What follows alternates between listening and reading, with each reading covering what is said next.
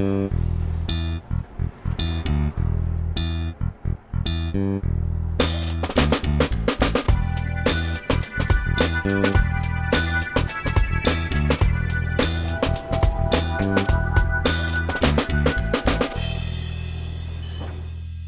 Dzień dobry, witam Państwa bardzo serdecznie. Zgromadziliście się Państwo tak licznie, że e, nie musimy nawet opóźniać tego spotkania, żeby czekać na nowych gości. Mam przyjemność poprowadzić dzisiaj spotkanie z Karolem Tramerem, autorem książki Ostre Cięcie. Proszę?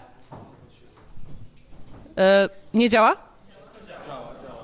Fake news um, autorem książki Ostre Cięcie, jak niszczono y, polską kolej. I zanim zaczniemy rozmowę, powiem tylko, że książkę można nabyć w księgarni y, po prawej stronie, jak będziecie Państwo wychodzić. Nie wiem, czy autor będzie dawał y, autografę, ale myślę, że jak ładnie poprosicie, to jest, jest, taka, jest taka szansa. No i tak, jak być może Państwo zauważyli, zainteresowanie tą książką jest y, bardzo duże. Ja nie pracuję w wydawnictwie krytyki y, politycznej, natomiast wiem skądinąd, że nakład tej książki bardzo szybko się skończył i był robiony do druk w okresie wakacyjnym, co generalnie nie zdarza się książkom, bo ludzie nie czytają książek, a już na pewno nie takich poważnych podczas y, wakacji i, i być może będzie to dla Ciebie pytanie krępujące, ale taka jest też moja rola, żeby trochę Cię tak sprowadzić do parteru na tym y, spotkaniu, więc um, chciałabym, y, dlaczego, jak, jak, interpretujesz odbiór tej książki? Dlaczego jest takie zainteresowanie? Czy Polacy lubią tak bardzo czytać o porażkach? No to jakby chyba wiemy już z, z historii i, i, i czy to o to tu chodzi? Nie mam pojęcia, z czego wynika takie y, zainteresowanie moją książką. Jest to na pewno bardzo przyjemne i bardzo dziękuję wszystkim osobom, które zainteresowały się y, moją książką. E, natomiast mogę podejrzewać, że wynika to z tego, że wszyscy widzieli, że coś dzieje się niedobrego z koleją. E, I wszyscy widzieli to 30 lat temu, 10 lat temu, tydzień temu, wracając z wakacji, z długiego weekendu. E, ale za bardzo nikt dotychczas nie podjął tego tematu i to chyba po prostu jest zasługa e, tego, że to jest jakaś taka pierwsza, szersza pozycja na ten temat. E, chyba tylko tyle. Więc można powiedzieć, że ludzie czekali na taką książkę, ale może do końca nie wiedzieli, że, że czekali, no tylko no po prostu się ukazała i, i e, może liczą na to, że znajdą tam odpowiedź na te pytania, które ich nurtowały podczas podróży, czy podczas e, braku możliwości e, odbycia podróży koleją. Śledzę tematy transportowe w prasie od wielu lat i muszę przyznać, że mm, zawsze miałam wrażenie, że to jest te temat nie, nie, niepoważnie podejmowane w, w, polskich mediach. Jeżeli się pojawiają jakieś newsy, no to zwykle tam pojechała z dzieckiem, stała 8 godzin w polu, nie podali wody, czy, czy coś w tym rodzaju. Raczej takie... Mm, sensacyjne newsy, ale y, nie przypominam sobie, żebyśmy w Polsce odbywali jakąś taką poważną debatę o kolei i, i być może Twoja książka jakoś się do tego w jakiś sposób będzie mogła na to wpłynąć. Czy, czy też miałeś takie odczucie, że, te, że ten temat, szczególnie kolejowy, jeżeli chodzi w ogóle o, o, o transport, jest, y, jest jakoś zaniedbywany?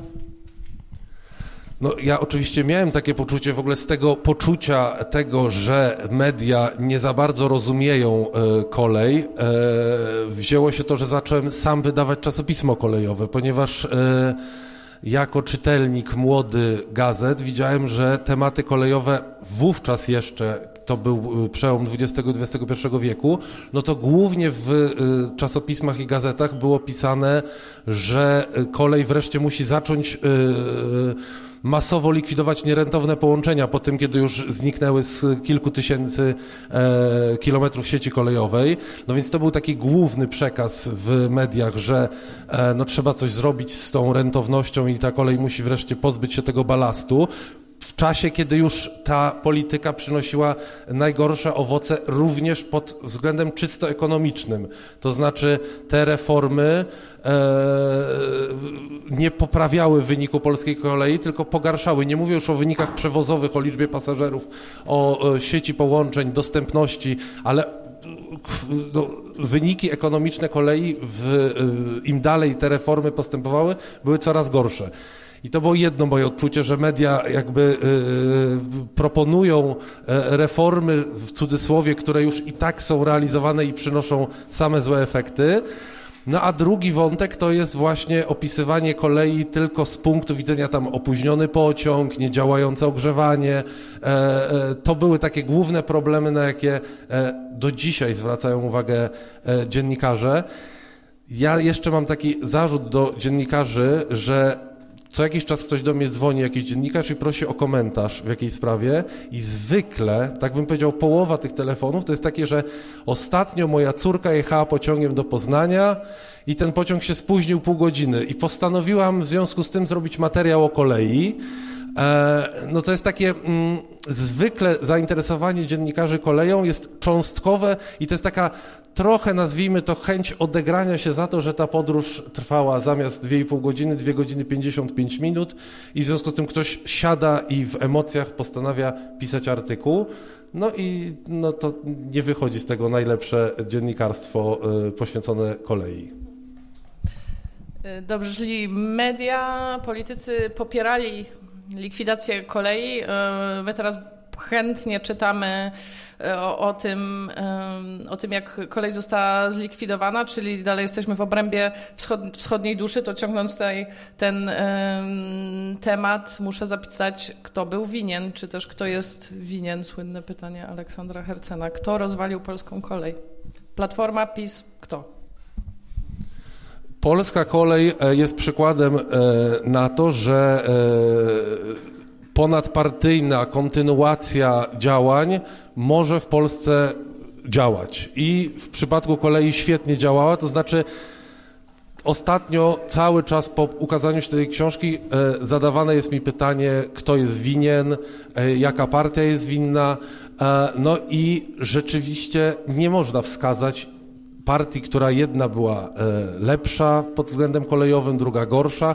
Wszystkie partie poszczególne, które rządziły, mają na sumieniu na przykład jakieś duże miasto odcięte od sieci kolejowej, czy y, kilka tysięcy kilometrów y, sieci pozbawionej połączeń. Natomiast co charakterystyczne, osoby, które przeczytały tą książkę i rozmawiają ze mną, e, nie potrafią się wyzbyć swoich sympatii politycznych, to znaczy e, człowiek na przykład, który jest entuzjastą Platformy Obywatelskiej, mówi, że świetna książka, bardzo go poruszyła, no ale krytyka bankomatów go nie przekonała. No y, na przykład ta krytyka polega na tym, no, że pokazuje, że za czasów rządów tak zwanych bankomatów, czyli finansistów ściągniętych e, za Platformy Obywatelskiej współpracowników Leszka Balacerowicza, PKP Intercity wtedy osiągnęło najgorszy w historii wynik przewozowy. No i człowiek, który to przeczyta, mówi, że to jednak go nie przekonuje. Potem y, rozmawia ze mną entuzjasta y, transformacji, no, który uważa, że trochę nie bez przyczyny, no, że najlepsze, co się w najnowszej historii y, Polski stało, to upadek komunizmu. I on mówi, coś chyba nie działa mikrofon. Działa? No i on mówi, że książka jest bardzo ciekawa, wszystko super, no ale tak na początku lat 90. to ta kolej tak tragicznie to nie likwidowała chyba tych połączeń, tak jak ty to opisałeś. No a jeszcze ostatni przykład na to, e, Zwolennik Prawa i Sprawiedliwości. No świetna książka, no ale w ogóle widać, że pominąłeś wszystkie y, zasługi w odbudowie kolei Prawa i Sprawiedliwości od 2015 roku. A ja mówię, no dobrze, ale jakie tam są zasługi? E, no, na przykład program Kolej Plus. No ja mówię, ale tego programu nie ma. Ten program został ogłoszony na stronie internetowej i go nie ma jako ustawy, a powinien być y, w drodze ustawy przyjęty. No tak, no ale no jakoś tak widać, że pominąłeś tutaj te zasługi PiSu. I to jest charakterystyczne, że no mimo, że wydaje mi się, że ja w tej książce nie mam jakichś sympatii politycznych, to czytelnicy cały czas je mają i jakoś tam wierzą, że e, e, ta, ta, ta partia czy ta strona sceny politycznej, której, której oni, którą, z którą oni sympatyzują, jest e, mniej e, zasłużona negatywnie dla, dla kolei niż, niż inne. Dobrze, to ja w takim razie wcielę się tutaj w e, rolę adwokatki Leszka Balcerowicza. No to dla, jakby dlaczego to, e, dlaczego, mm, dlaczego ci ludzie to robili? To byli źli ludzie, no przecież nie było pieniędzy na to, tak trzeba było ciąć te połączenia. No tak, ale po pierwsze to była taka spirala, że ponieważ nie było pieniędzy, to tniemy połączenia i jest jeszcze mniej pieniędzy. Skoro jest jeszcze mniej pieniędzy, no to tniemy połączenia i jest jeszcze mniej pieniędzy. E, tak to się tak pokrótce e, opisując odbywało. Ale jeśli chodzi o ten pierwszy okres, okres yy, pierwszy trzeciej Rzeczypospolitej i Leszka Balcerowicza, no to ja uważam, że po prostu kolej została potraktowana jak cała reszta gospodarki, czyli e, nawiasem mówiąc, kontynuując już założenia e, jeszcze PZPR-u z drugiej połowy lat 80., konieczne było pozbywanie się nierentownych dziedzin działalności. I nie miało żadnego znaczenia na przykład to, że jeżeli gdzieś likwidowano zakład przemysłowy i jednocześnie likwidowano połączenie kolejowe, to pracownicy, którzy tracili pracę w tym zakładzie przemysłowym, jednocześnie tracili możliwość dojazdu do na przykład dużych aglomeracji miejskich, gdzie dosyć szybko już te miejsca pracy nowe e, powstawały. Więc mój zarzut jest taki, że nie potraktowano kolei jako elementu polityki społecznej, niwelującego problemy z, na rynku pracy i elementu polityki regionalnej, e, przeciwdziałającego, prze, który przeciwdziałałby wyludnianiu się miast, e, całych obszarów, tylko uznano, że jest to kolejny e, obszar gospodarki polskiej, który wymaga e, no, jakiejś, e, nazwijmy to, restrukturyzacji, no, czyli tak naprawdę e, likwidacji ograniczenia działalności. To się właściwie zaczęło wcześniej, jak wskazujesz w swojej książce. We wszystkich mm, mikolskich grupkach zawsze krążą te mm, obrazki z przedstawiające to, jak Polska, jak trzecia Rzeczpospolita zrównała różnicę między zaborami, tak? bo w, przed, w, podczas zaborów dużo więcej, dużo bardziej rozwinięta była e, sieć kolejowa na terenie Prus, e, mniej w Austro-Węgrzech, no a w kongresówce to już w ogóle. I, i faktycznie te, te mapy się do siebie upodobniły, ale jak sam, e, sam wskazujesz, ten proces właściwie zaczął się już w latach 80. To teraz się wcielę w starego komucha i zapytam, no ale jak to? Przecież y, robiliśmy w PRL-u mm, projekty modernizacyjne i, i ogromne przedsięwzięcia i to w czasach, kiedy, kiedy Zachód właściwie stawiał na samochody. Więc co się czepiasz? No przede wszystkim stary komuch to powinien się czepiać generała Wojciecha Jaruzelskiego, który na y, posiedzeniu PZPR powiedział, że teraz będzie reforma polegająca na likwidowaniu tego, co jest nierentowne.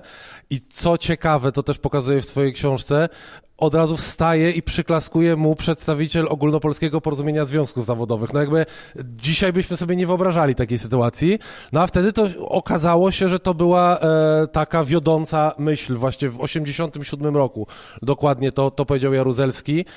E, tak, to był taki ciekawy przeskok, to znaczy e, w latach 80. kolej jeszcze działała trochę siłą rozpędu taką, no, że te, e, e, nazwijmy to państwa mniej rozwinięte w Europie, czyli państwa bloku wschodniego, nie zastanawiały się za bardzo nad rolą kolei, tylko po prostu ją miały. Też istotne było to, żeby e, kolej służyła e, obsłudze przemysłu, e, obsłudze wojska, a ruch pasażerski był niejako przy okazji ale tutaj jeszcze, jeśli chodzi o tą obsługę wojska, ta obsługa wojska nie tylko polega na tym, że jeździli żołnierze eszelonami z czołgami y, na poligony, tylko na przykład e, sieć połączeń pasażerskich była dostosowywana, na przykład był taki pociąg e, relacji Szczecin-Ostrołęka, który jechał, e, omijał wszystkie duże miasta i wszyscy się zastanawiali, o co chodzi w tym pociągu, a ten pociąg po prostu chodziło o to, żeby łączył garnizony wojskowe, jakieś tam Drawsko-Pomorskie, e, Szymany, Klewki, te różne miejsca, gdzie stacjonowało wojsko, żeby żołnierze, którzy wychodzą do rezerwy, jadą na przepustkę, mieli jakieś połączenia kolejowe, więc ten wpływ wojska, czy wpływ, kluczowe znaczenie wojska w obsłudze kolejowej, e, sprowadzał się również do planowania sieci połączeń. No ale doszło do takiego szybkiego przeskoku, to znaczy w, pod koniec lat 80. Bardzo szybko e, zrezygnowano z tego to po prostu, że kolej jest i nie ma się na, za bardzo nawet nad tym, e, co zastanawiać, do właśnie powielenia błędów Zachodu, z których na przełomie lat 80. i 90. Zachód już się wycofywał. Więc wtedy, kiedy w Niemczech zaczynano rozwijać połączenia przyspieszone, wprowadzano na liniach lokalnych e, cykliczny rozkład jazdy pociągów i nagle na liniach lokalnych w e, NRD były pociągi, z, e, które kursowały 5 razy dziennie, nagle zaczynały kursować 18 razy dziennie co dawało wielki przyrost liczby pasażerów i tą walkę skuteczną z samochodem, który w NRD wtedy stawał się dostępny. No a u nas w tym czasie właśnie e, zachłyśnięto się trochę tym podejściem z lat 60. z Wielkiej Brytanii, czy z lat 70. z e, Niemiec zachodnich, czyli że no kolej to jest trochę przeżytek i przecież e, samochód daje pełną elastyczność e, poruszania się, więc po co tą kolej wspierać? No i, i gdzie indziej to dekadami trwały te przemiany poglądów, to w Polsce to e, właściwie nastąpiło w ciągu kilku lat. Tak, i wtedy nastąpiła e, zagłada, której e, poświęciłeś swoją książkę. Mm, byłeś o to pytany wiele razy, ale muszę dla porządku zapytać jeszcze e, raz. Najgorsze rzeczy, które zrobiono polskiej kolei w tym okresie, powiedzmy do 2005 roku. E, to jest trudno odpowiedzieć jednym słowem, bo lista tych e, błędów czy, no, czy jakichś przemyślanych e, działań ograniczających działalność kolejową jest bardzo długa i, i to jedno z drugim się łączy. Ale ja bym powiedział, że może to nie jest najbardziej takie oczywiste, ale dla mnie e, takim bardzo poważnym, moim bardzo poważnym zarzutem była tak zwana polityka e, dostosowawczej redukcji majątku, czyli dostosowania w latach 90.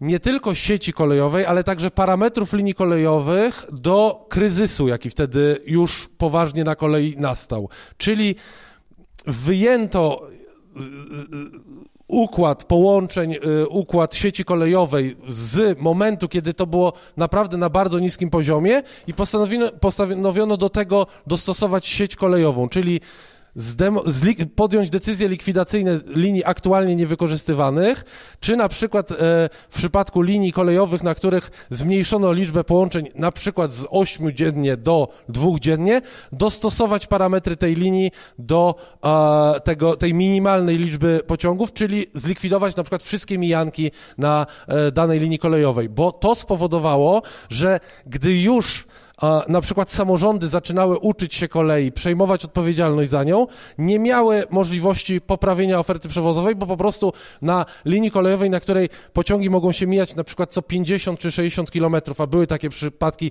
zlikwidowania tak dużej liczby mijanek, e, nie dało się po prostu e, właściwie wprowadzić nowych połączeń. E, I powiedziałbym, że dlatego to jest mój największy zarzut, że no nawet uznając, że w tych latach 90. nie było pieniędzy, państwo nie chciało finansować kolei i ta kolej jakoś e, biedna, e, trochę na zasadzie dlaczego jesteś biedny, bo jestem głupi, dlaczego jesteś głupi, bo jestem biedny, no jakoś próbowała sobie radzić i spowodowała tymi działaniami to, że renesans kolei, odbudowa połączeń, przywracanie e, zlikwidowanych wcześniej połączeń było praktycznie niemożliwe bez wielkich inwestycji polegających na odbudowie tego, co było, a nie budowie czegoś nowego. Albo wręcz poprawiania tego, co już zmodernizowano.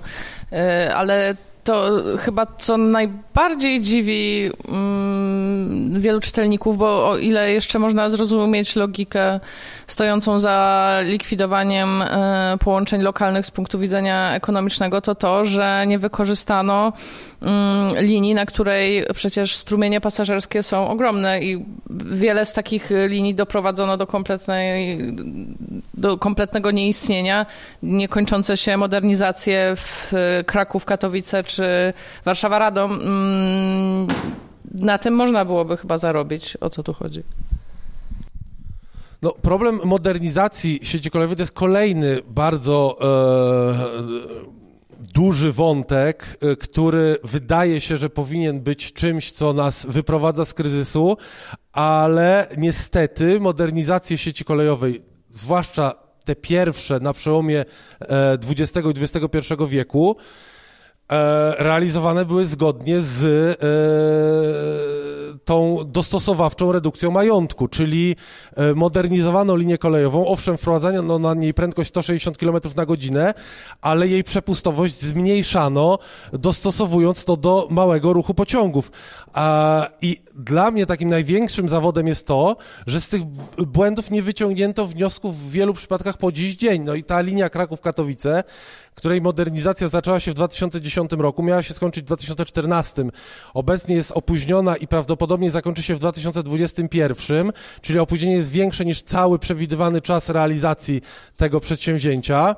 Zakłada. E, to jest taki główny grzech modernizacji sieci kolejowej w Polsce, e, zdegradowanie czterech stacji do roli przystanków. A to jest kluczowy element tego, żeby połączeń kolejowych mogło być dużo, zwłaszcza na takiej linii jak Kraków-Katowice, która jest na styku dwóch wielkich aglomeracji, obsługuje ruch dalekobieżny, yy, ekspresowy, pospieszny, regionalny oraz bardzo duży ruch towarowy, bo to, jest, to są dwie aglomeracje przemysłowe.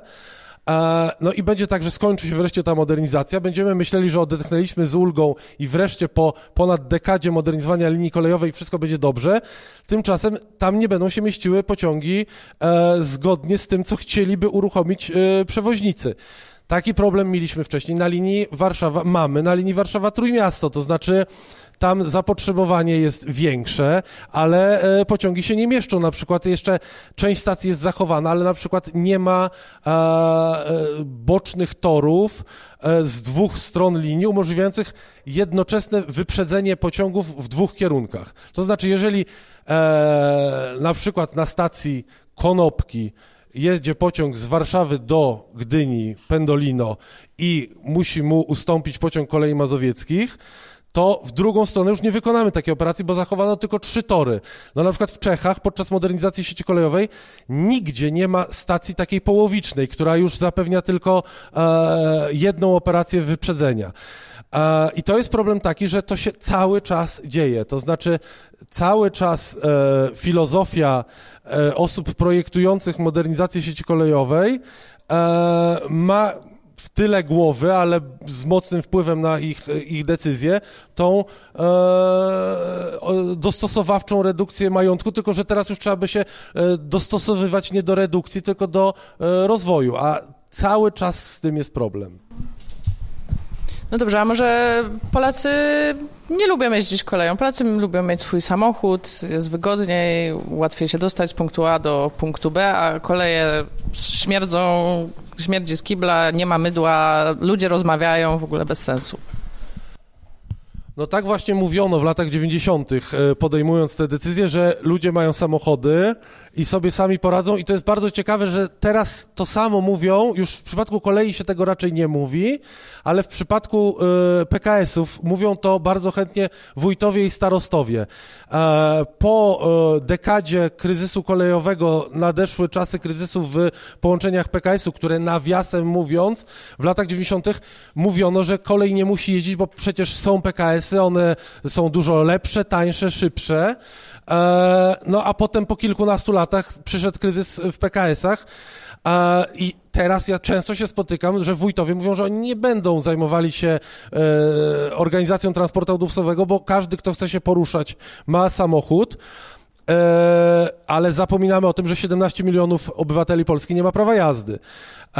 I to jest sytuacja taka, że mieliśmy te e, e najpierw likwidację połączeń, potem likwidację e, autobusów.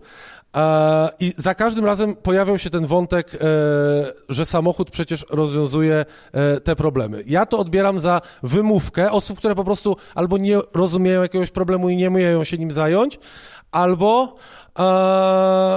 no jakieś takie e, zrzucanie odpowiedzialności na społeczeństwo w organizowaniu transportu. No tak się dzieje w Europie, że transport publiczny jest organizowany przez różne szczeble władzy, no a w Polsce oficjalnie różne szczeble władzy mówią, że e, wszyscy sobie poradzą tymi swoimi samochodami, co sprowadza sytuację do tego, że czteroosobowa rodzina na wsi pozbawionej transportu publicznego w celu zaspokojenia swoich potrzeb z, związanych z podstawową mobilnością, czyli dojazd do pracy, dojazd na zakupy, dowóz dzieci do szkoły i na zajęcia dodatkowe potrzebuje trzech samochodów. Trzy samochody to jest bardzo duży koszt i tak się kończy przerzucanie organizacji transportu publicznego na, na e, społeczeństwo.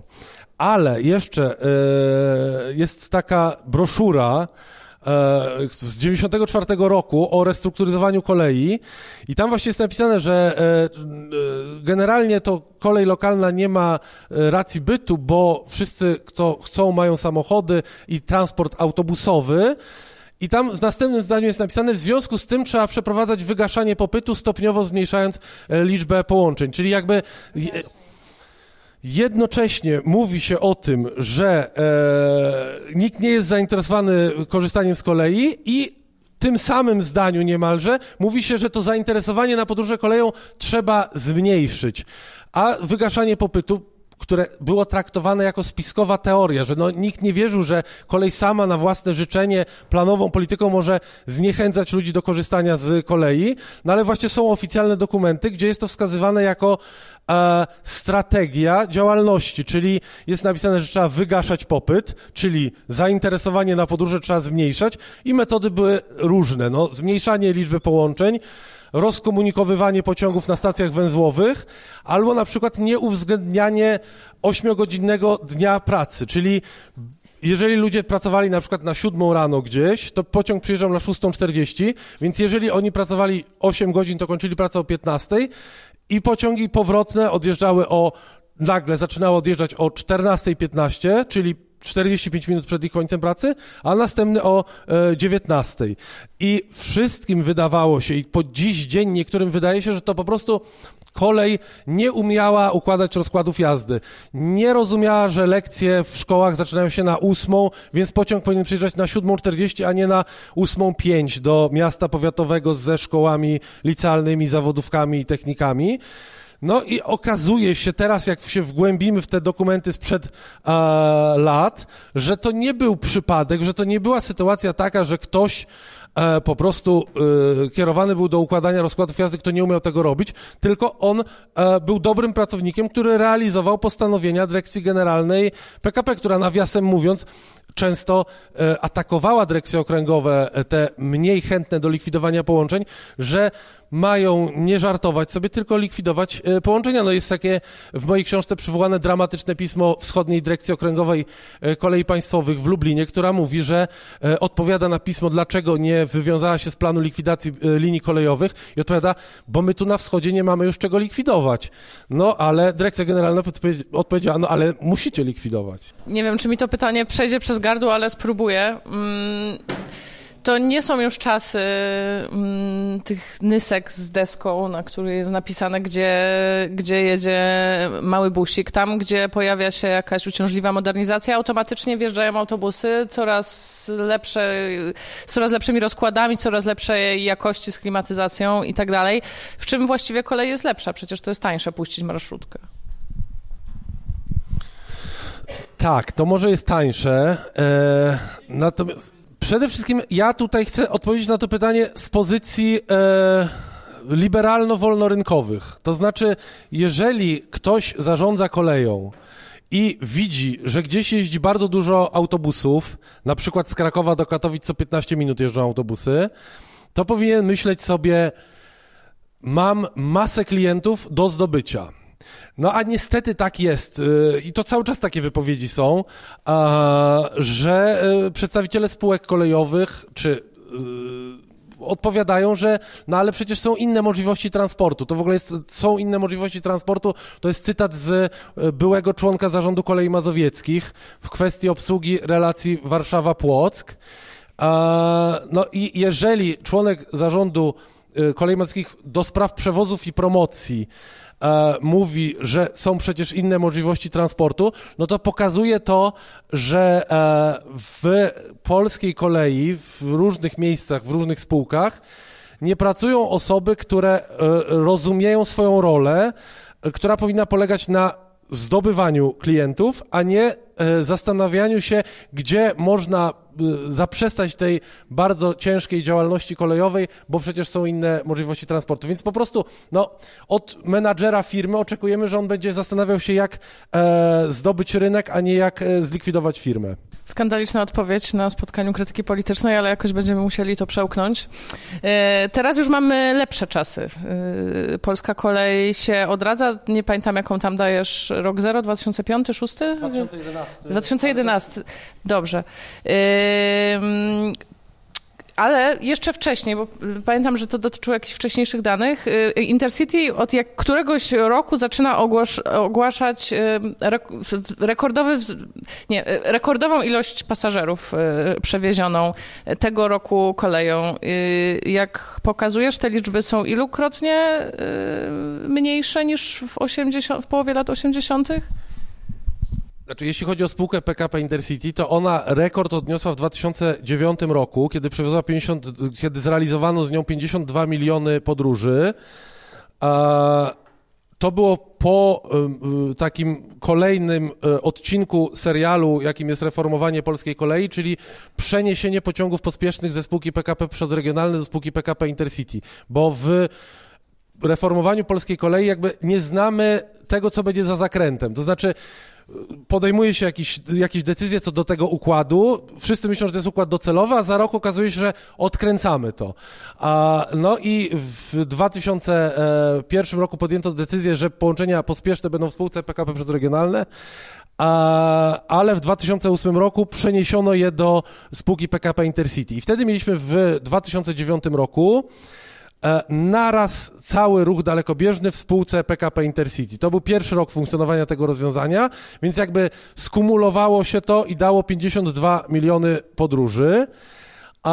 Ale wówczas prezesem PKP Intercity był Krzysztof Celiński, który w bardzo różnych momentach, z bardzo różnych pozycji zajmował się likwidowaniem działalności kolejowej w Polsce. Właściwie to jest śmieszne, jak na przykład jest artykuł na Wikipedii o nim, to tam jest jedyne jego osiągnięcie o likwidowaniu. Tam nie można znaleźć pozytywnych, pozytywnych e, jakichś, znaczy nie wiem, pozytywnych, może z jego punktu widzenia negatywnych, ale e, osiągnięć w rozwoju. No i wtedy prezesem został e, Krzysztof Celiński, który e, rozpoczął działalność od masowego przerzedzenia sieci połączeń PKP Intercity odciął od y, połączeń dalekobieżnych takie miasta kilkudziesięciotysięczne jak Nysa, Mielec, e, Jelenia Góra, Wałbrzych. One potem odzyskały te połączenia, ale także przerzeździł połączenia na głównych ciągach między największymi aglomeracjami i spowodowało to spadek do 37 milionów w następnym roku. Czyli mieliśmy w ciągu roku spadek liczby podróży pociągami PKP Intercity z 52 do 37 milionów. No i potem jeszcze, jak e, nastały czasy prezesa Marcina Celejewskiego z tej ekipy współpracowników Leszka Balcerowicza, to ten wynik spadł do około 25 milionów podróży. No i potem e, jeszcze w czasach, e, e, nazwijmy to bankomatów, zmienił się prezes.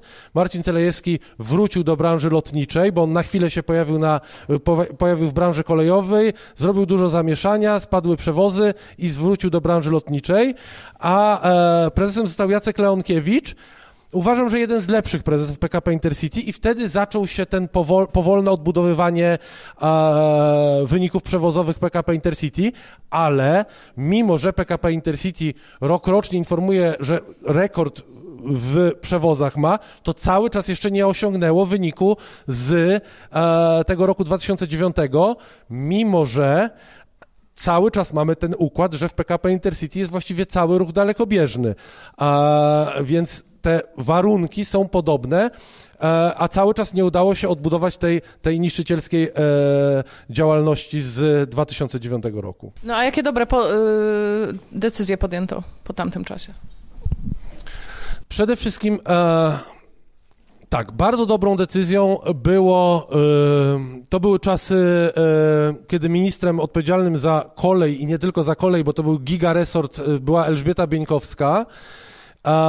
Kiedy pojawiła się pod koniec poprzedniej perspektywy finansowej Unii Europejskiej wizja, że kolej jak zwykle nie będzie potrafiła wykorzystać przyznanych im funduszy, przyznanych jej funduszy, e, to Bieńkowska natychmiast wymyśliła, że trzeba te fundusze przesunąć na drogi. Na szczęście Komisja Europejska była temu niechętna i na szczęście e, przepraszam, Bieńkowska była wtedy ministrem do spraw funduszy, a ministrem infrastruktury był jeszcze wtedy Sławomir Nowak. I właśnie ze względu na to rozdzielenie kompetencyjne udało się obronić te pieniądze. A wice, y, Sławomir Nowak e, był ministrem typowo politycznym, nie znał się na kolei.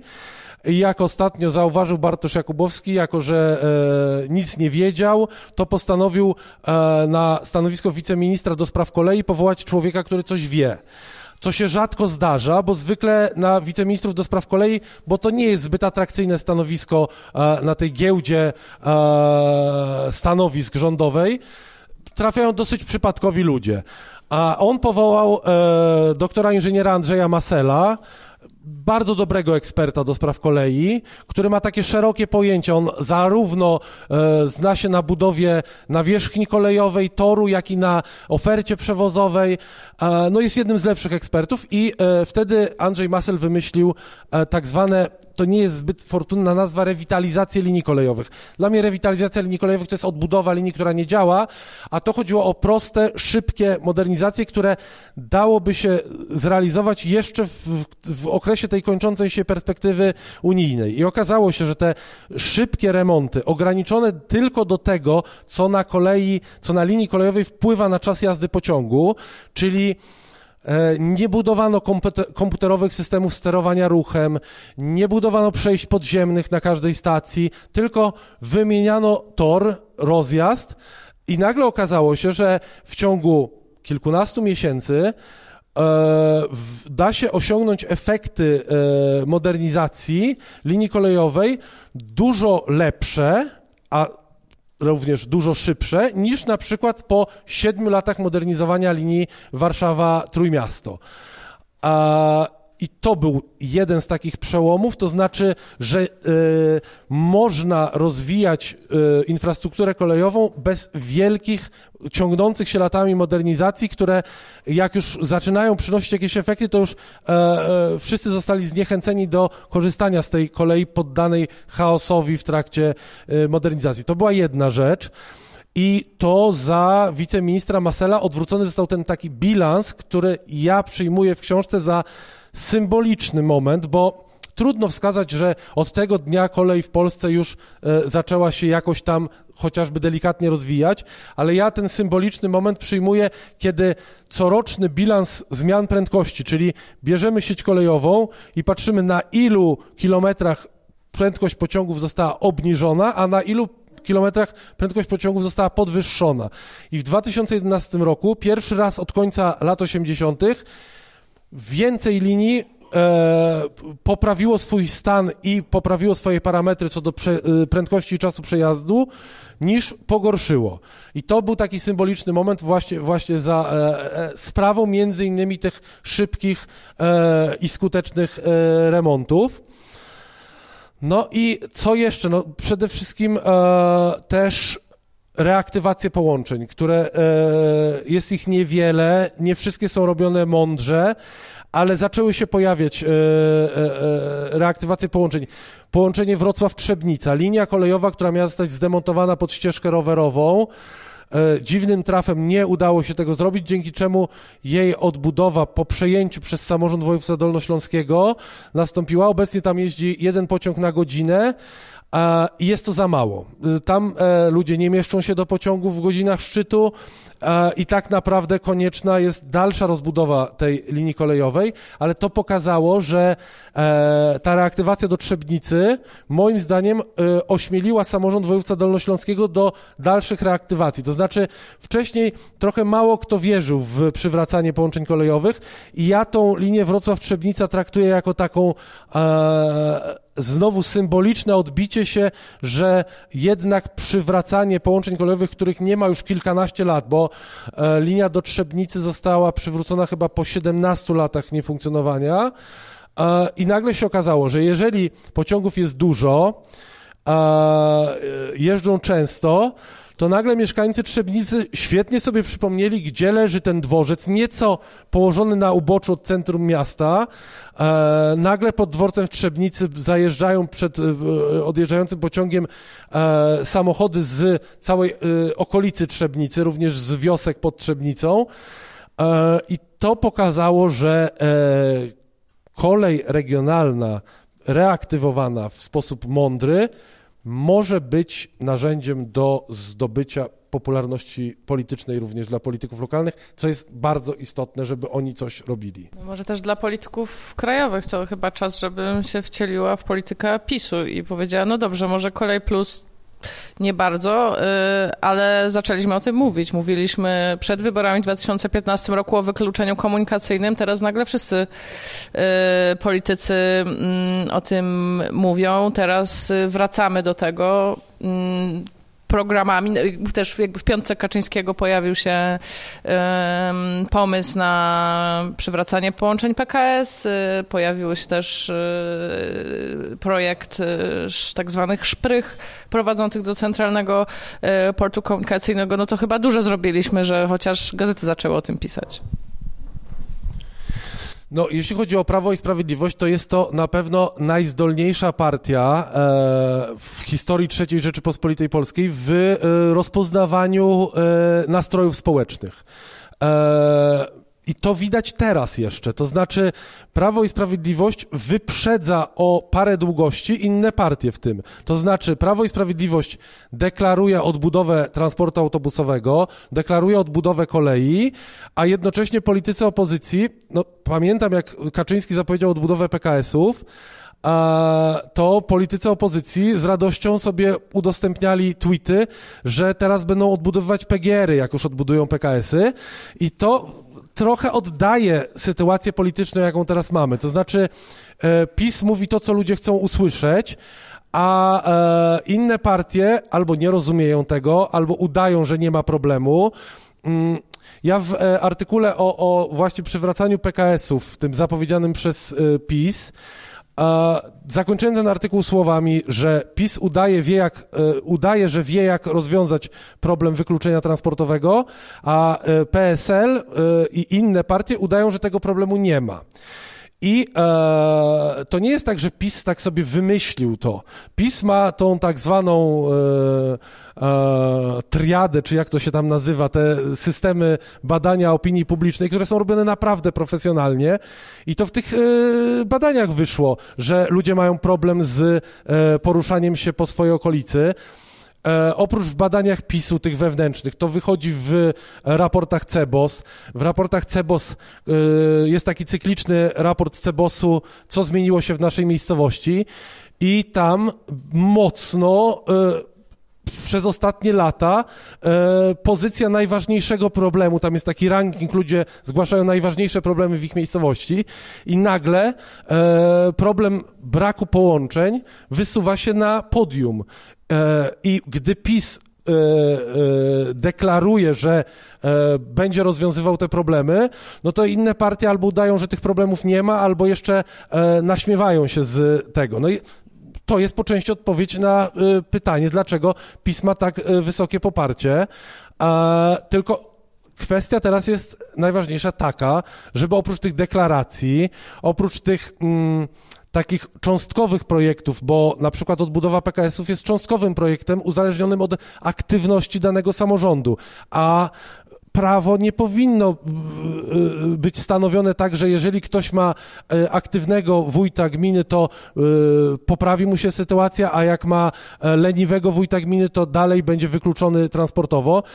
No, standardy są takie, że w krajach europejskich są określane w przepisach zasady funkcjonowania transportu publicznego w całym kraju i nie uzależnia się od, od tego, tego od jakiegoś plebiscytu takiego, który wójt jest zdolniejszy, a który nie.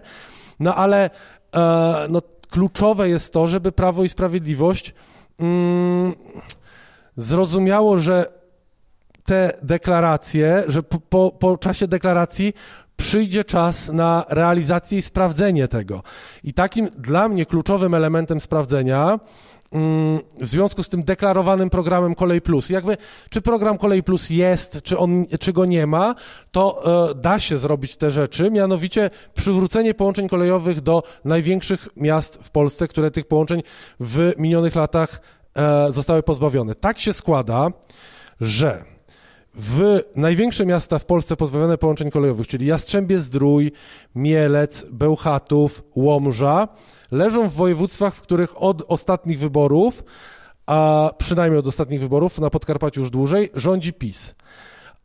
I e, przed wyborami samorządowymi Jarosław Kaczyński wielokrotnie mówił, że trzeba zagłosować na PiS w wyborach samorządowych, bo to stworzy synergię władz regionalnych z władzami centralnymi i taki tandem będzie mógł zrealizować projekty niezbędne i oczekiwane przez społeczeństwo. A jeżeli zagłosu- w domyśle, a jeżeli zagłosujecie na PO, no to nie będziecie mieli, e, nie będziecie odczuwali pozytywnych wyników takiej synergii, bo ona tam w tym regionie danym nie zaistnieje. No i jako, że tak się składa, że te największe miasta leżą w regionach, gdzie ta synergia powinna zaistnieć, no to jak będzie kończyła się kadencja samorządowa aktualna, to zobaczymy, co z tej synergii e, wyszło podejrzewam, że jedynym miastem, które dostanie połączenia a, mm, z, tych, z tych największych miast będzie Mielec. Zarówno Jastrzębie Zdrój, Bełchatów nie, e, nie wyrobi się, a w Łomży i do tego właśnie dążę i to też pokazuje trochę prawdziwą twarz Prawa i Sprawiedliwości. W Łomży doszło do tego, że temat odbudowy połączenia kolejowego do Łomży był ważnym elementem w miejscowej kampanii wyborczej. Tylko problem jest taki, że e, tam doszło do konfliktu i dotychczasowy prezydent z Prawa i Sprawiedliwości rozstał się z PiSem. Została wystawiona kontrkandydatka reprezentująca PiS. E, do skrzynek pocztowych wszystkich Łomżan trafił list Jarosława Kaczyńskiego wskazujący, kto jest prawdziwym kandydatem PiSu i żeby nie pomylili się i przypadkiem nie zagłosowali na tego dotychczasowego pisowca Chrzanowskiego, tylko zagłosowali na nową, e, właściwą twarz PiSu, czyli Agnieszkę Muzyk. W liście tym było powiedziane o tym, że PiS planuje reaktywację połączeń kolejowych i Agnieszka Muzyk jest tego gwarantem. E, no ale niestety Mariusz Chrzanowski zdeklasował Agnieszkę Muzyk. Tydzień później z Regionalnego Programu Operacyjnego Województwa Podlaskiego, którym od wyborów już rządzi PiS, oraz z Krajowego Programu Kolejowego ustalanego na poziomie rządowym, projekt rewitalizacja połączenia kolejowego Białystok-Łomża wypadł. W związku z tym, no to niestety pokazuje, że e, tutaj kluczową kwestią dla PiSu nie jest odbudowa kolei, tylko no raczej e, próba pokazania, kto ma rządzić danym miastem.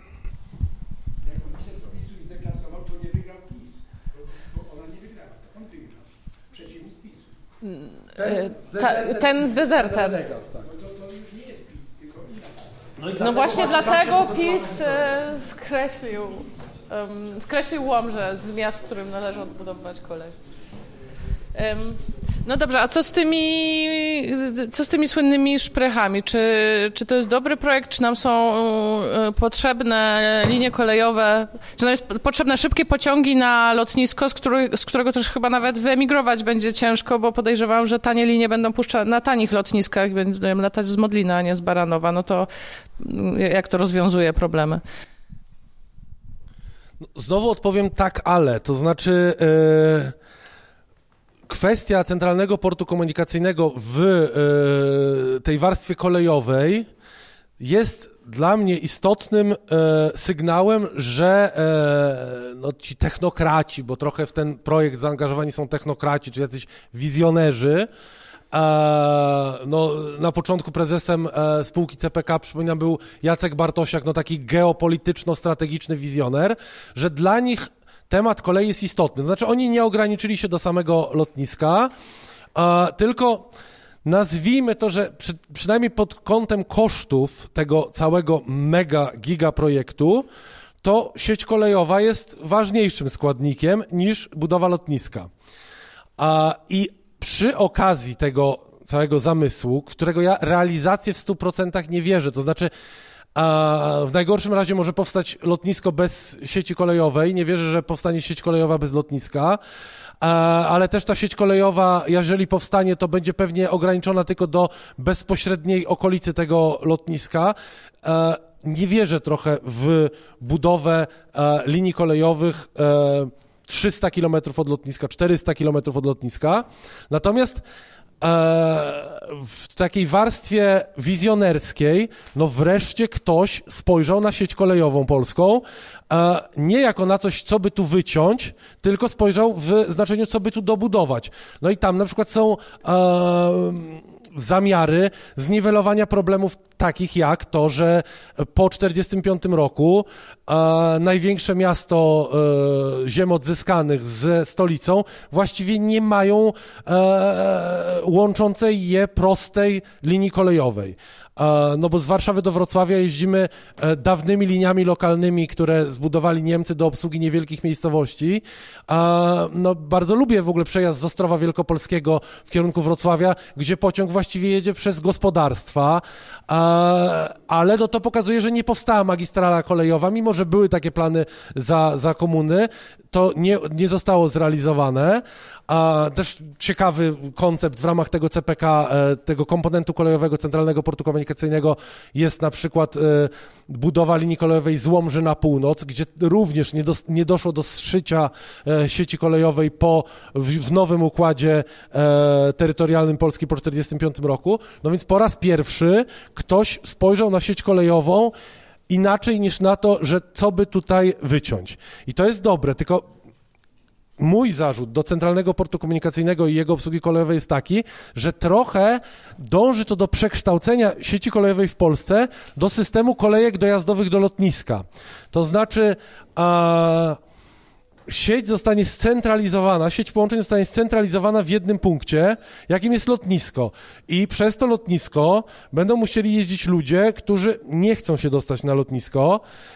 I naturalniejszą sytuacją jest robienie takich węzłów, tylko nie powinien być to w przypadku kraju takiej wielkości jak Polska i o takim układzie przestrzennym. Polska jest krajem okrągłym, a, więc da się e, budować sieć kolejową, czy e, odbudowywać sieć kolejową bardziej w układzie takim pajęczynowym, a e, zasada szprych powoduje, że no mamy ten centralny punkt, który będzie zagrożony ograniczeniami w wydolności.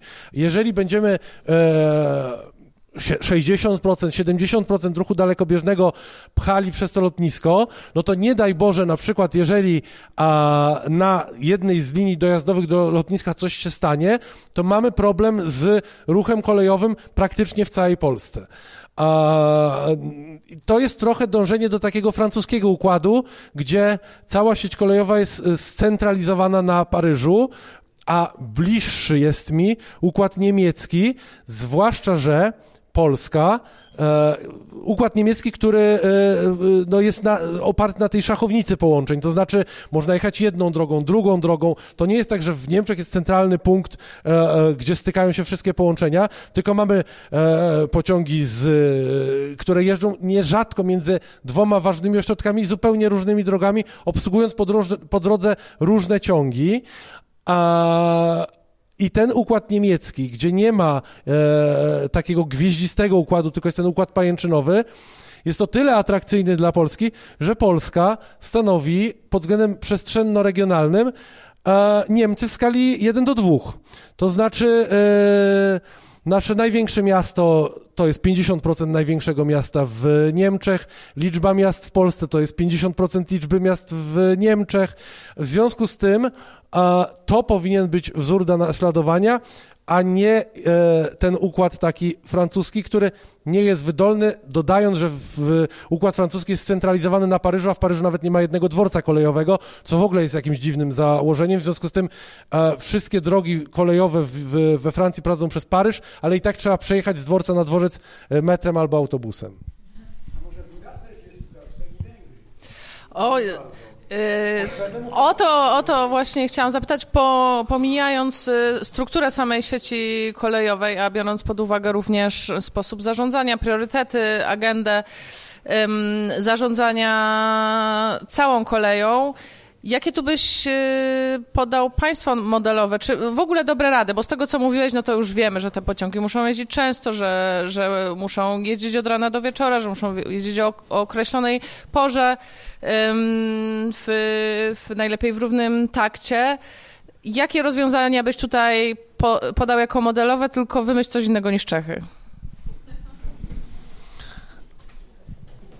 No na przykład nie, nie podam jednego państwa. No na tym to polega, że właśnie nie musimy się wzorować na jednym państwie.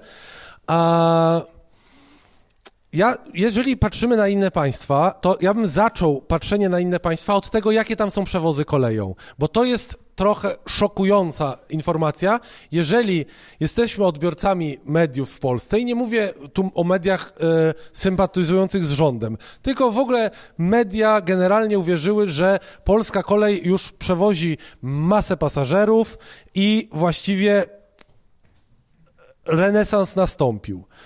No tylko, że problem jest taki, że polska kolej przewozi e, dziewięciokrotnie mniej pasażerów niż kolej niemiecka. Niemcy są dwa razy większe od Polski. A polska kolej przewozi tyle pasażerów, co kolej austriacka. Austria jest czterokrotnie mniejsza od Polski i to pokazuje nasz kluczowy problem. Słabe wykorzystanie kolei, które kolej jest drogim środkiem transportu. Mówię, nie mówię o biletach, tylko mówię o kosztach jej funkcjonowania. I żeby to się wszystko spięło finansowo, znowu tutaj będę wolnorynkowym liberałem, to z tego musi korzystać dużo ludzi. A nie może być tak, że mamy linię kolejową, e, na której kursują trzy pociągi dziennie, bo nawet jeżeli te pociągi się zapełnią pasażerami, a się nie zapełnią, bo to jest oferta, która nie przyciągnie pasażerów w dzisiejszych czasach, kiedy pracują ludzie na różne godziny, a w, o różnych porach e, potrzebują jechać pociągiem i pociąg 7, 15, 20 nie zaspokaja ich potrzeb, ale nawet jeżeli te pociągi byłyby pełne, to cały czas ten ruch jest za mały, żeby pokryć koszty funkcjonowania takiej linii kolejowej, koszty jej utrzymania, koszty zatrudnienia, e, obsługi, koszty funkcjonowania ekstremalnie drogich lokalnych centrów sterowania e, funkcjonujących w, na, jako komputerowe sterowanie e, ruchem kolejowym. To wszystko jest bardzo drogie. Jeżeli chcemy, żeby to działało ekonomicznie, to musimy e, uruchamiać jak największą liczbę połączeń, po to, żeby liczba pasażerów była jak największa i żeby te koszty pokrywane były przez jak największą liczbę użytkowników. I wtedy to zaczyna działać. A w związku z tym duża liczba połączeń to nie jest tylko rozwiązanie polegające na tym, że przyciągniemy dużo ludzi na kolej. To jest też narzędzie na rzecz racjonalnej gospodarki ekonomicznej funkcjonowania kolei. E, I to jest moim zdaniem kluczowa kwestia. To znaczy, na liniach kolejowych, które istnieją, trzeba wprowadzić zasadę, że połączeń w każdym kierunku musi być przynajmniej 9 na dobę, czyli co dwie godziny od 5 do 21. E, oczywiście to jest minimum.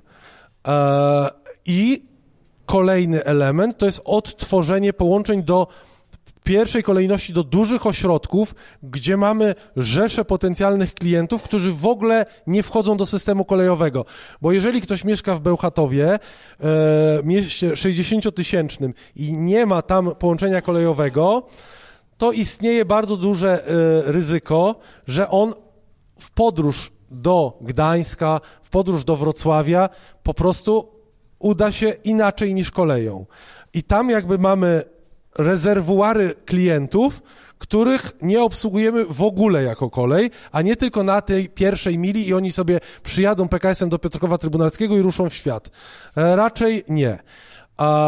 To jest kolejny element. No i e, w, trzeba się wzorować po prostu mi jest dlatego trudno wskazać jedno państwo, bo właściwie wszystkie państwa europejskie stosują tą samą politykę, czyli cykliczny rozkład jazdy pociągów, połączenia równo co godzinę, ewentualnie co dwie na obszarach o słabej gęstości zaludnienia albo co pół godziny, jeżeli łączymy większe miasta kilkudziesięciotysięczne.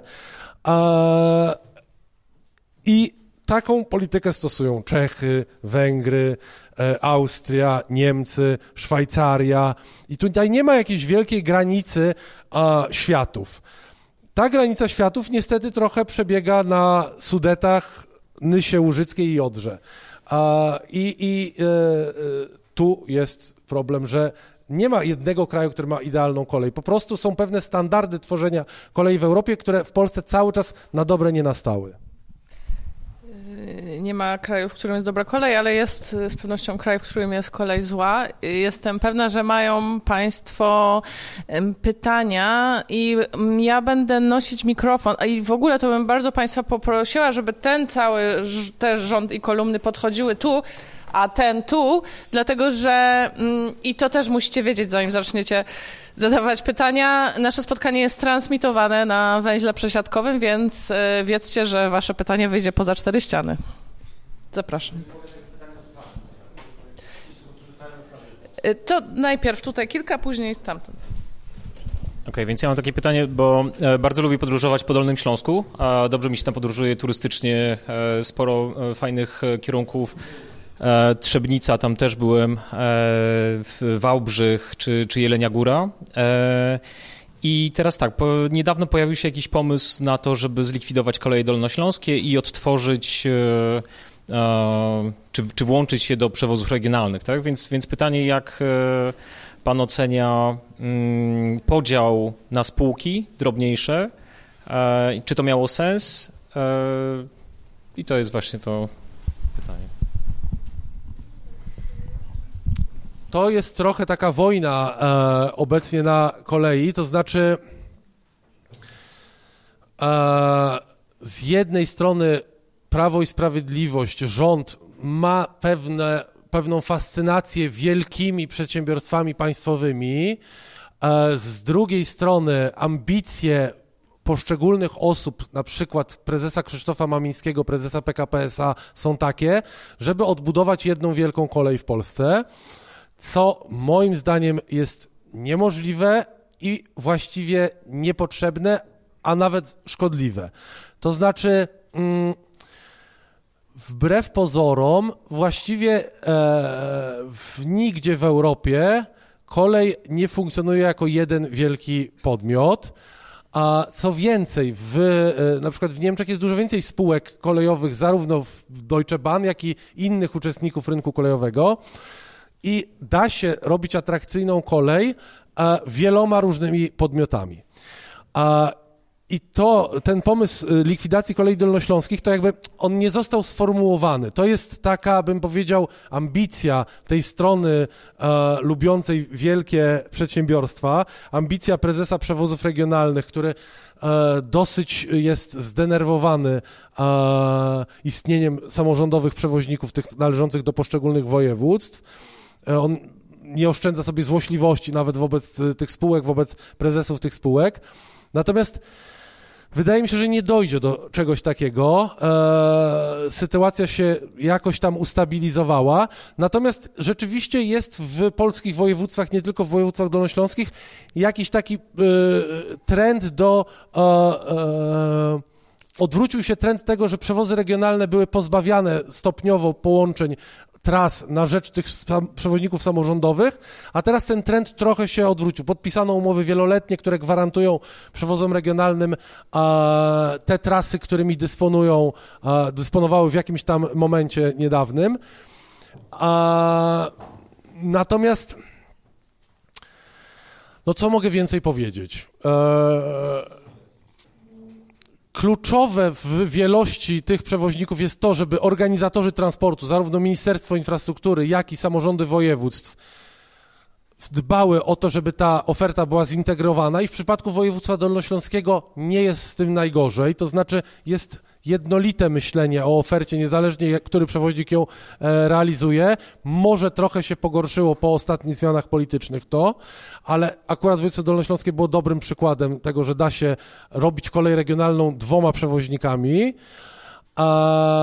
No i kluczowe z punktu widzenia pasażera jest to, żeby on nie musiał być zainteresowany, jaka spółka jeździ na jakiej trasie, żeby mógł kupić jeden bilet i nie musiał deklarować, z jakim przewoźnikiem będzie e, jechał i e, akurat w przypadku województwa dolnośląskiego nie jest z tym najgorzej. To teraz jedno pytanie od słuchaczy, ale jedno na razie. E, będzie jedno.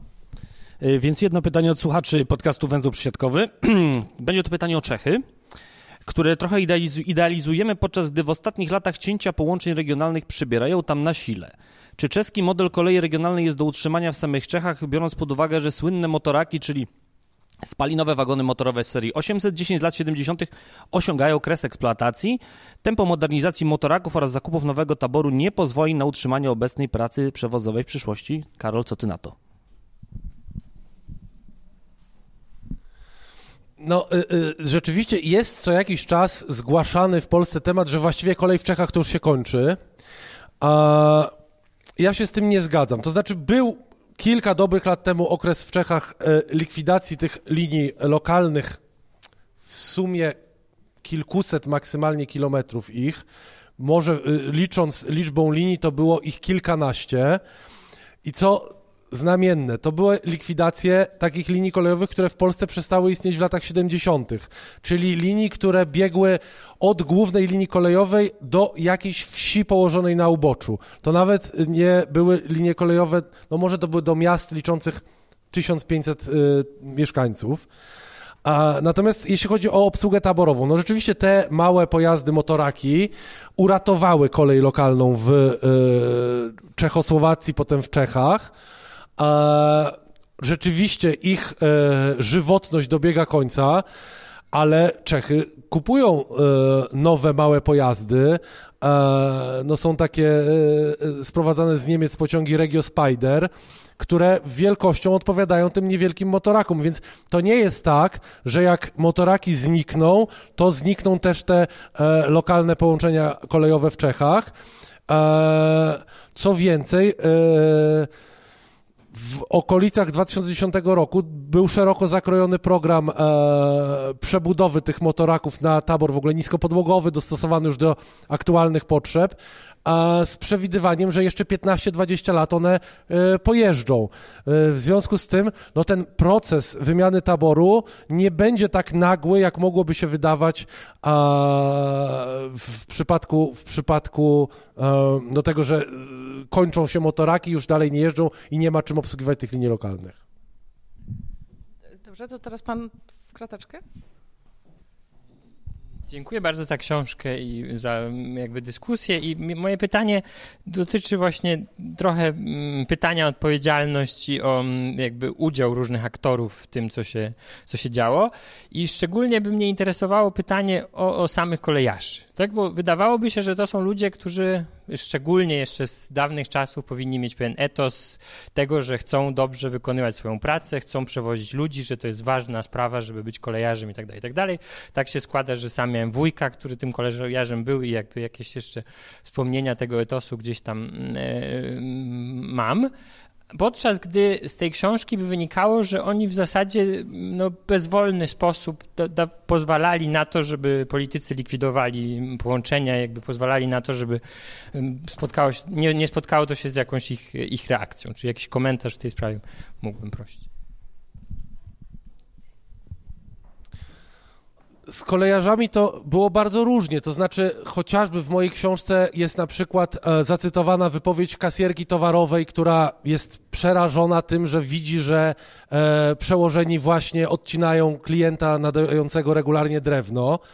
E, w związku z tym, czy na przykład jest zacytowana wypowiedź e, kolejarek z Raciborza, które e, dziwią się, że zlikwidowane zostały pełne pociągi, no jakby też są przerażone, co będzie dalej, ale no, ja bym powiedział tak, no i na przykład kolejarze kolportowali tą, nazwijmy to, spiskową teorię, że ktoś tu planowo wygasza popyt.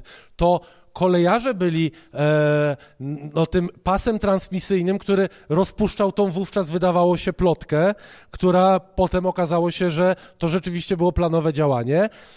Ale z drugiej strony, no ja na przykład jeżdżąc jako młody chłopak koleją, wielokrotnie widziałem, jak kolejarze nie wypisują, konduktorzy, kierownicy pociągów nie wypisują biletów, tylko biorą mniej i chowają do kieszeni, co było bezpośrednim narzędziem do podjęcia decyzji, że linię kolejową trzeba zlikwidować. No bo jeżeli ktoś brał wpływy z linii kolejowej i widział, że tam nie ma wpływów, bo może nawet jeździ dużo ludzi, ale e, nie są wypisywane im bilety, no to to jest e, e, przyczynienie się do na pewno przyspieszenia likwidacji takiej linii kolejowej względem jakichś tam niewielkich swoich dodatkowych, niele, e, niezalegalizowanych e, dochodów.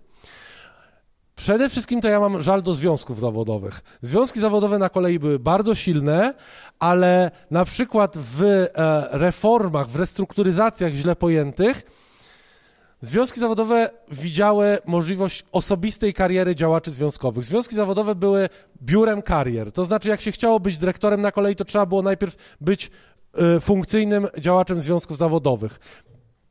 Prezes PKP SA obecny wywodzi się ze związków zawodowych, z sekcji Krajowej Kolejarzy NZ Solidarność, był jej przewodniczącym, więc jakby jemu działalność w związkach zawodowych utorowała karierę na całe dekady. Karierę już w administracji.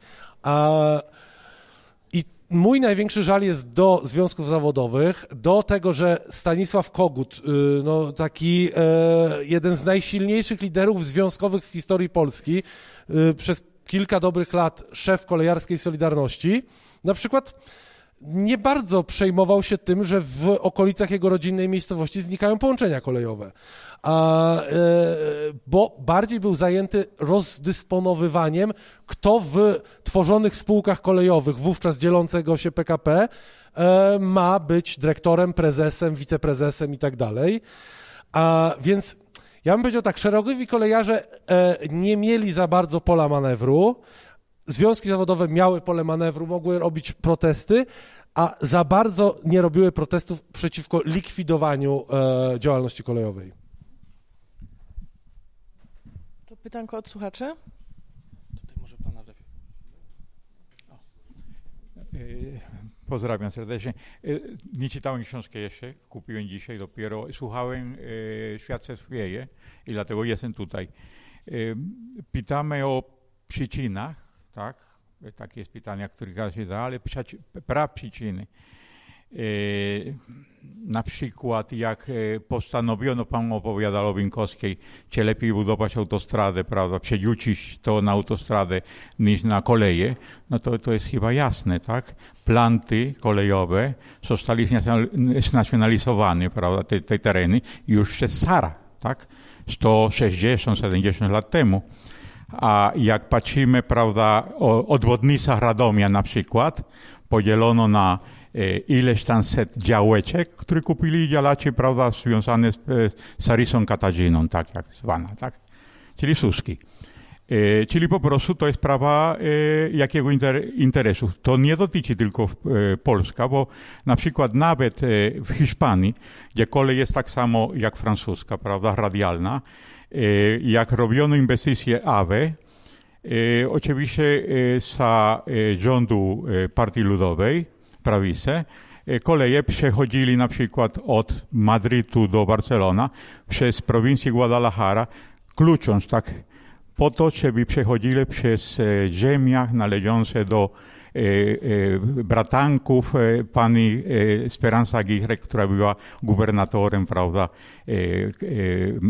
okręgu madryckiego. To jest jedna sprawa, czyli już chyba wiemy, prawda. Druga rzecz, dlaczego prasa tak była wroga koleją? No, jak kurde, pytałem się, O co chodzi tutaj? Czy te dzieciaki, jak byli, te dziennikarze, jak byli dzieciaki, nie mieli kolejki piko? Czyli o co chodziło, tak? Nie. Jeżeli trzecia strona, najważniejsza gazeta codzienna w Polsce, miała reklama Orlenu na sali strony, potem piąta, prawda, banku, który przydziela kredytu samochodowych i tak dalej, wiadomo, dlaczego oni byli przeciwko kolei. A kolej, z kolei koleje w kolejach PR-u prowadziła osoba, która po prostu organizowała dobre cateringi, tylko i wyłącznie. nie starała się, powiedzmy, przekupić dziennikarzy. To jest jedna, jedna sprawa. Druga sprawa, rzeczywiście, takiej przyczyny, była bardzo ciekawa zawsze droga awansu związkowców. Kogut, Mamiński, prawda, w końcu kończyli rządzą koleje. I oni oczywiście realizowali polityki nie PKP, a politykę ministerstwa bo w ministerstwo to dyktowano, prawda, różne sprawy, które PKP kolej, no słuchajcie, nawet pamiętajmy tak, od w ciągu... Jak brzmi pytanie? Proszę? Jak brzmi pana pytanie? Nie, chciałbym, żebyśmy wiedzieli, jakie są przyczyny, tak? No dobrze, ale to jest...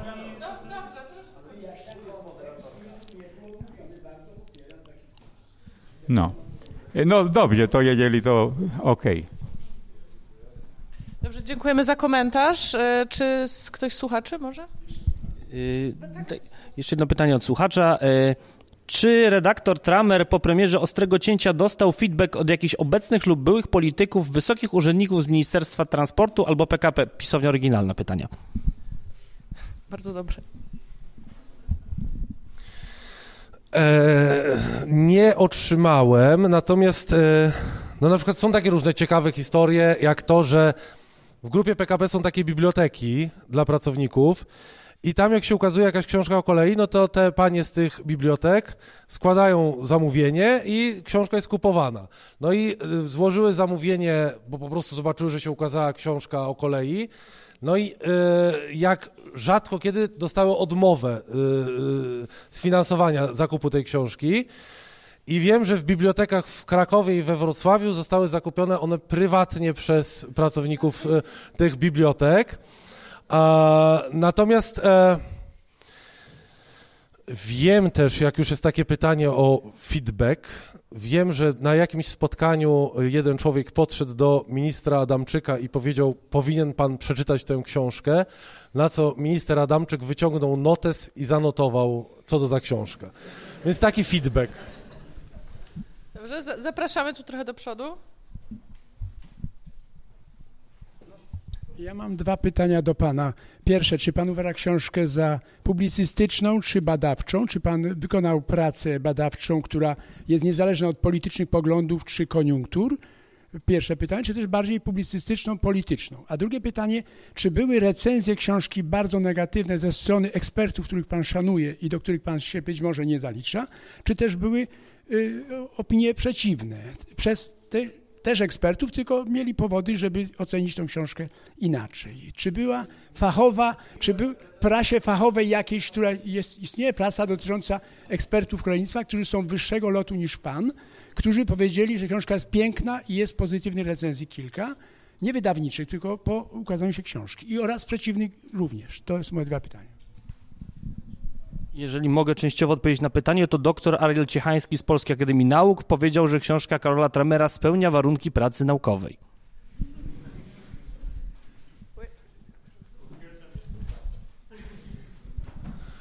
Natomiast ja nie czuję, że ta książka spełnia warunki pracy naukowej, ale też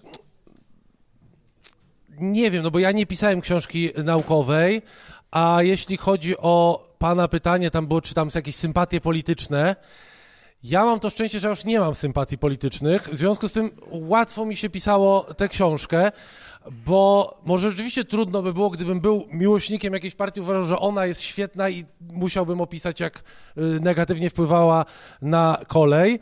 Natomiast jeśli chodzi o recenzję, ja jestem trochę zawiedziony tym, że na razie są raczej tylko pozytywne recenzje i czekam bardzo na recenzję negatywną. A... E, nie no, ale recenzje negatywne też podbijają temat, więc może wydawca jednak y, się zgodzi z tym stanowiskiem. W marzeniach. E, to jest na przykład to, że ukazałby się wywiad w jakiejś gazecie z kimś, kto jest opisany w mojej książce, na przykład Krzysztofem Celińskim, który w wywiadzie by powiedział, musiałem likwidować kolej, albo e, taka była kolej rzeczy, albo kazali mi, albo dalej bym chętnie likwidował kolej, albo nie osiągnąłem celu, nie zlikwidowałem do końca polskiej kolei. I żeby w tym wywiadzie już mówiąc serio, no żeby odniósł się do tego, co ja piszę i może wrzucił jakieś nowe światło e, na ten temat. No ale Krzysztof Celiński, jak już o nim jest mowa, a ponieważ rządził koleją pod różnymi partiami politycznymi, jest bardzo zdolną politycznie osobą i raczej nie będzie się wdawał w takie chwilowe pyskówki. Dobrze. To zapraszam do przodu. Ja mam takie pytanie, jakie jest Pana stanowisko w sprawie likwidowania w tej chwili połączeń nocnych generalnie w Polsce? Y, Przykładem może być brak połączenia nocnego do Kudowy, kiedy w socjalizmie było y, darty do Szklarskiej Poręby, czy likwidacja pociągu nocnego do Kołobrzegu. Czy to wynika z jakiejś polityki, czy faktycznie y, z nieumiejętności, czy z niechęci podróżnych do podróży nocnych? No, może się Państwo spodziewają, że ja powiem, że to jest kolejny element likwidacyjnej polityki. Ja oczywiście wiem, że są ludzie, którzy lubią podróżować w nocy, bo jest to na przykład oszczędność. Można pojechać gdzieś na jeden dzień, nie nocując gdzieś w hotelu. I kiedyś to było bardzo popularne, że ludzie jadąc załatwić sprawę, jechali nocą i wracali nocą. Natomiast jeśli chodzi o połączenia nocne, w dobie skracających się czasów przejazdu, i tu mówię też trochę szerzej w ogóle o Europie, a, i trochę zmieniającego się trybu życia, połączenia nocne nie są już tak niezbędne jak kiedyś. To znaczy, a, jeżeli kiedyś pociąg z Warszawy do Krakowa jechał 6 godzin, to miało sens funkcjonowanie połączenia nocnego na tej trasie, bo pociąg mógł wyjechać o 23, być o 5 rano, prawdziwy pociąg nocny.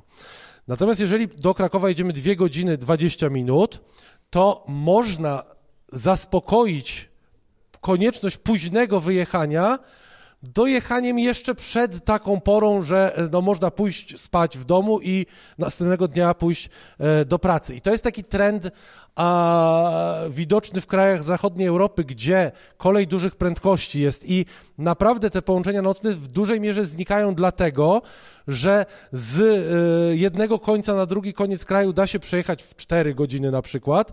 W związku z tym no, ta podróż generalnie się skraca i nie trzeba już oferować takiego nocnego połączenia, żeby pokonać cały kraj e, z jednego końca na drugi.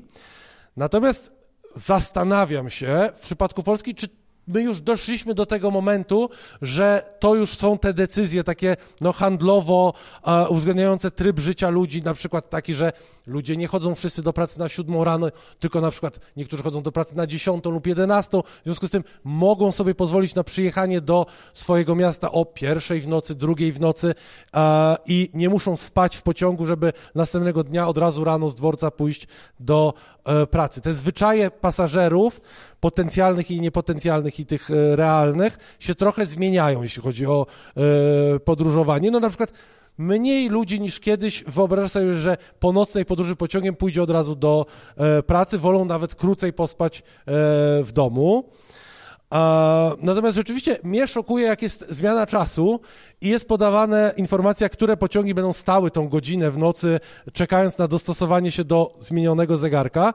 No i ta lista pociągów w Polsce jest bardzo krótka i za każdym razem odczuwam jakiś szok, właśnie czy to przemodelowanie oferty z nocnej, całonocnej, podróż od wieczora do rana, na przemodelowanie na rozwój oferty późno wieczornej, czy to już jest ten moment. Natomiast rzeczywiście w Polsce mamy teraz wyzwaniem dla przewoźnika PKP Intercity i dla Ministerstwa Infrastruktury, które jest organizatorem przewozów dalekobieżnych, to jest rozwój połączeń późnowieczornych. Jest taki pociąg z, Warsza- z Krakowa do Warszawy, o 22 z Krakowa. Początkowo jeździł kompletnie pusty, jeździ nieco ponad pół roku i już zdarza się, że nie ma miejscówek na ten pociąg. Pociąg ruszający o 22 z Krakowa na pierwszą, przed pierwszą w nocy przyjeżdżający do, do e, Warszawy.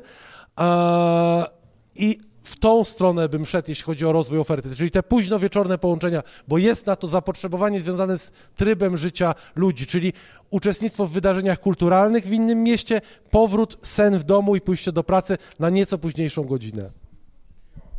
Dobrze.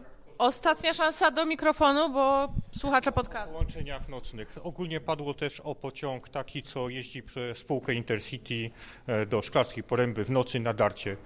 Jak pan się do tego dostosunkuje, bo dla mnie to jest straszna głupota. Tym bardziej, że ten pociąg długo jedzie. I może jeszcze to jedno pytanie zbierzemy, bo już zmierzamy do końca. Chyba musisz to podejść. Ja już tutaj wychodząc tak z połączeń nocnych, e, odniósłbym się do pierwszego pytania dotyczącego połączeń regionalnych. Skoro pan twierdzi, że e, niewielka kolej regionalna narodowa, e, to jaki p- model e, promowałby pan własną osobą chociażby? Czy to byłby model bardziej takich kolei mazowieckich, gdzie całość połączeń w województwie jest przejmowana przez wojewódzką spółkę, która, w której województwo ma bardzo dużo do mówienia? Czy jednak może bardziej model przetargowy, bym powiedział, taki jaki na przykład funkcjonuje w Kujawsko-Pomorskim obecnie, gdzie jeszcze e, wygrała tam spółka e, na połączenia spalinowe, wygrała tam spółka Arriva, która nie jest ani, spal, e, ani spalinowa, ani państwowa, ani samorządowa. Który tutaj model by pan bardziej promował swoją osobą? To tak, najpierw pierwsze pytanie dotyczyło obsługi taborowej pociągu Białystok-Szklarska Poręba. Rzeczywiście pociąg nocny obsługiwany jest e, zespołem trakcyjnym, który no, nie ma przedziałów, ma włączone oświetlenie przez całą noc. No to jest jakaś pomyłka techniczno-eksploatacyjna, nazwijmy to, ale takie pomyłki są również na świecie. E, w Niemczech są też nocne pociągi obsługiwane taborem dziennym. Jest to pewna ekonomizacja też, a nie do końca odpowiadająca na potrzeby pasażera, to znaczy no pociąg w jedną stronę jedzie w dzień, w drugą stronę jedzie w nocy po prostu i nie trzeba się martwić e, jakimś wyspecjalizowanym taborem do e, obsługi nocnych e, połączeń. Natomiast no nie jest to korzystne dla pasażerów, którzy chcą podróżować w nocy. Druga sprawa, Arriva. Pan powiedział, nie jest to spółka ani państwowa, ani samorządowa. Nie jest to też spółka prywatna. Jest to spółka niemieckiego, należąca do niemieckiego państwowego przewoźnika Deutsche Bahn i tu nie ujawniam jakiegoś haku, który ma ją skompromitować, tylko ja oczywiście skłaniam się do przetargów. To znaczy e, posiadanie jednego przypisanego przewoźnika, takiego jak na przykład koleje mazowieckie, które w ogóle bywają stawiane za wzór, a nie są dobrym przewoźnikiem, ja bym powiedział, że ten przewoźnik powstał troszeczkę za wcześnie. To znaczy, on jeszcze powstał przejmując taką mentalność z, z, źle rozumianą z polskich kolei państwowych, a już ci przewoźnicy, którzy powstali kilka lat później, czyli na przykład koleje wielkopolskie, koleje dolnośląskie, już mają jakiś taki, mm, bym powiedział, e, inne spojrzenie na e, chociażby obsługę pasażera, chociażby na e, informację pasażerską. Koleje mazowieckie jeszcze tak jadą siłą rozpędu z tych dawnych czasów. E, natomiast samorząd województwa jako organizator przewozów kolejowych nie powinien uzależniać się po wsze czasy od jednego przewoźnika, bo ten przewoźnik będzie mu e, dyktował koszty, będzie mu, e, będzie ogon machał psem, to znaczy taki przewoźnik będzie mówił, że jemu się nie chce gdzieś jeździć i organizator nie będzie mógł z tym nic zrobić za bardzo, bo nie ma innego przewoźnika. Natomiast model przetargowy jest taki, że e, no, możemy chociażby obniżyć koszty funkcjonowania kolei na danym terenie i obniżając te koszty możemy rozbudować oferty tam, gdzie jeszcze nie ma na przykład, bo pojawiają nam się nowe przychody, e, znaczy nowe fundusze do rozdysponowania na nowe linie kolejowe. Tak było w województwie kujawsko-pomorskim, gdzie po wejściu Arrivy, bo pierwsze wejście Arrivy, przewozy regionalne zażądały dopłaty 18 zł za kilometr, a Arriva zażądała 13 zł za kilometr i dlatego wygrała ten przetarg. I te zaoszczędzone środki zostały przeznaczone innymi na reaktywację połączenia Chełmża-Bydgoszcz, co pokazuje, że coś, co może u kogoś wywołać zimny dreszcz, że tu będzie wielu przewoźników, a jacyś wejdą nie, nie wiadomo skąd, należący nie daj Boże do Deutsche Bahnu i zniszczą naszą wspaniałą państwową kolej, może jednocześnie spowodować odbudowę jakichś połączeń kolejowych, bo pojawią się dodatkowe pieniądze. Dodajmy, że w województwie kujawsko-pomorskim istnieje coś takiego jak taryfa kujawsko-pomorska i pasażera nie interesuje kwestia tego, czy dany odcinek pokonuje z przewozami regionalnymi, które obsługują linie zelektryfikowane, czy z Arrivą, która obsługuje połączenia niezelektryfikowane. I jeszcze na koniec, żeby e, to porównanie Arriwy i kolei mazowieckich domknąć, koleje mazowieckie e, i przewozy regionalne po części mają tego samego właściciela, czyli samorząd województwa mazowieckiego, bo samorząd województwa mazowieckiego jest w niewielkiej części a również właścicielem przewozów regionalnych. I ci dwaj przewoźnicy nie uwzględniają i nie honorują ofert swoich w takim stopniu, jak należąca do Deutsche Bahn Arriva razem z przewozami regionalnymi, co nam pokazuje, że to nie jest tak, że struktura własnościowa e, przewoźników kolejowych jest decydująca na przykład o wspólnych ofertach, tylko raczej aktywność pracowników, którym po prostu chce się spotkać z przedstawicielem innego e, przewoźnika i dogadać szczegóły takiej oferty, a w kolejach mazowieckich raczej pracownikom tego robić się nie chce. Dobrze, to ostatnie pytanie, bo obiecałam um, Bartoszowi. Czy koniec albo drastyczne ograniczenie dotacji z Unii Europejskiej może spowodować odwrócenie pozytywnego trendu na polskiej kolei? Jest m.in. mowa o tym, że od kolejnej perspektywy budżetowej tabor spalinowy nie będzie już w ogóle dotowany.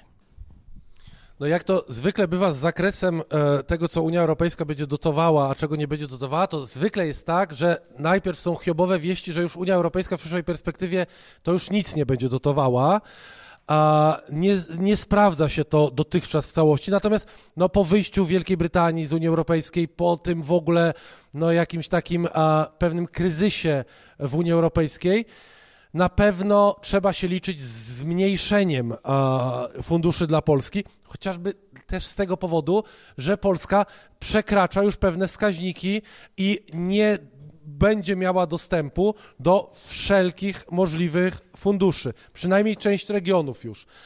A to też jest istotna kwestia. Natomiast ja bym powiedział tak trochę przewrotnie i może trochę nie do końca z pełną powagą odpowiadając na to pytanie. Dotychczas mieliśmy problem taki, że samorządy województw w ramach swoich regionalnych programów operacyjnych właściwie najchętniej to kupowały niezliczone ilości taboru spalinowego, a na przykład nie za bardzo troszczyły się o to, żeby ten tabor spalinowy mógł jeździć po dobrych e, torach, żeby te linie kolejowe były wyremontowane i zapewniały odpowiedni czas przejazdu.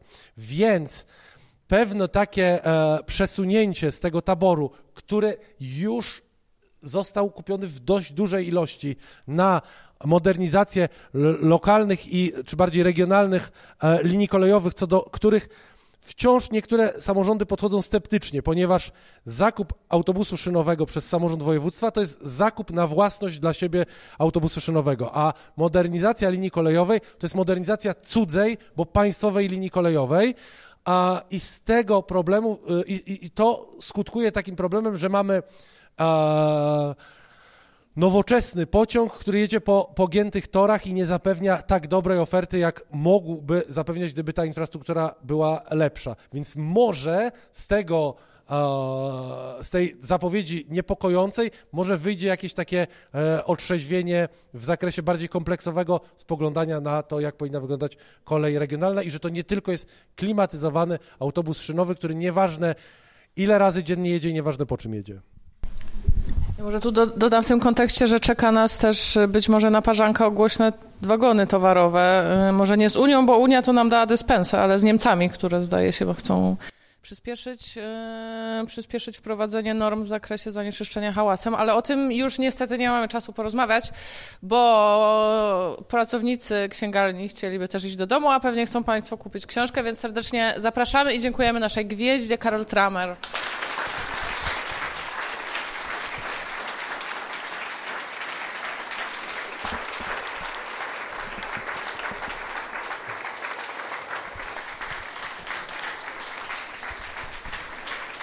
A ja dziękuję naszej gwieździe za poprowadzenie spotkania i Państwu za y, przybycie. Jest dla mnie bardzo miłe, że tyle osób postanowiło przyjść tutaj dzisiaj, spotkać się ze mną i pozdrawiam również słuchaczy podcastu Węzeł Przesiadkowy.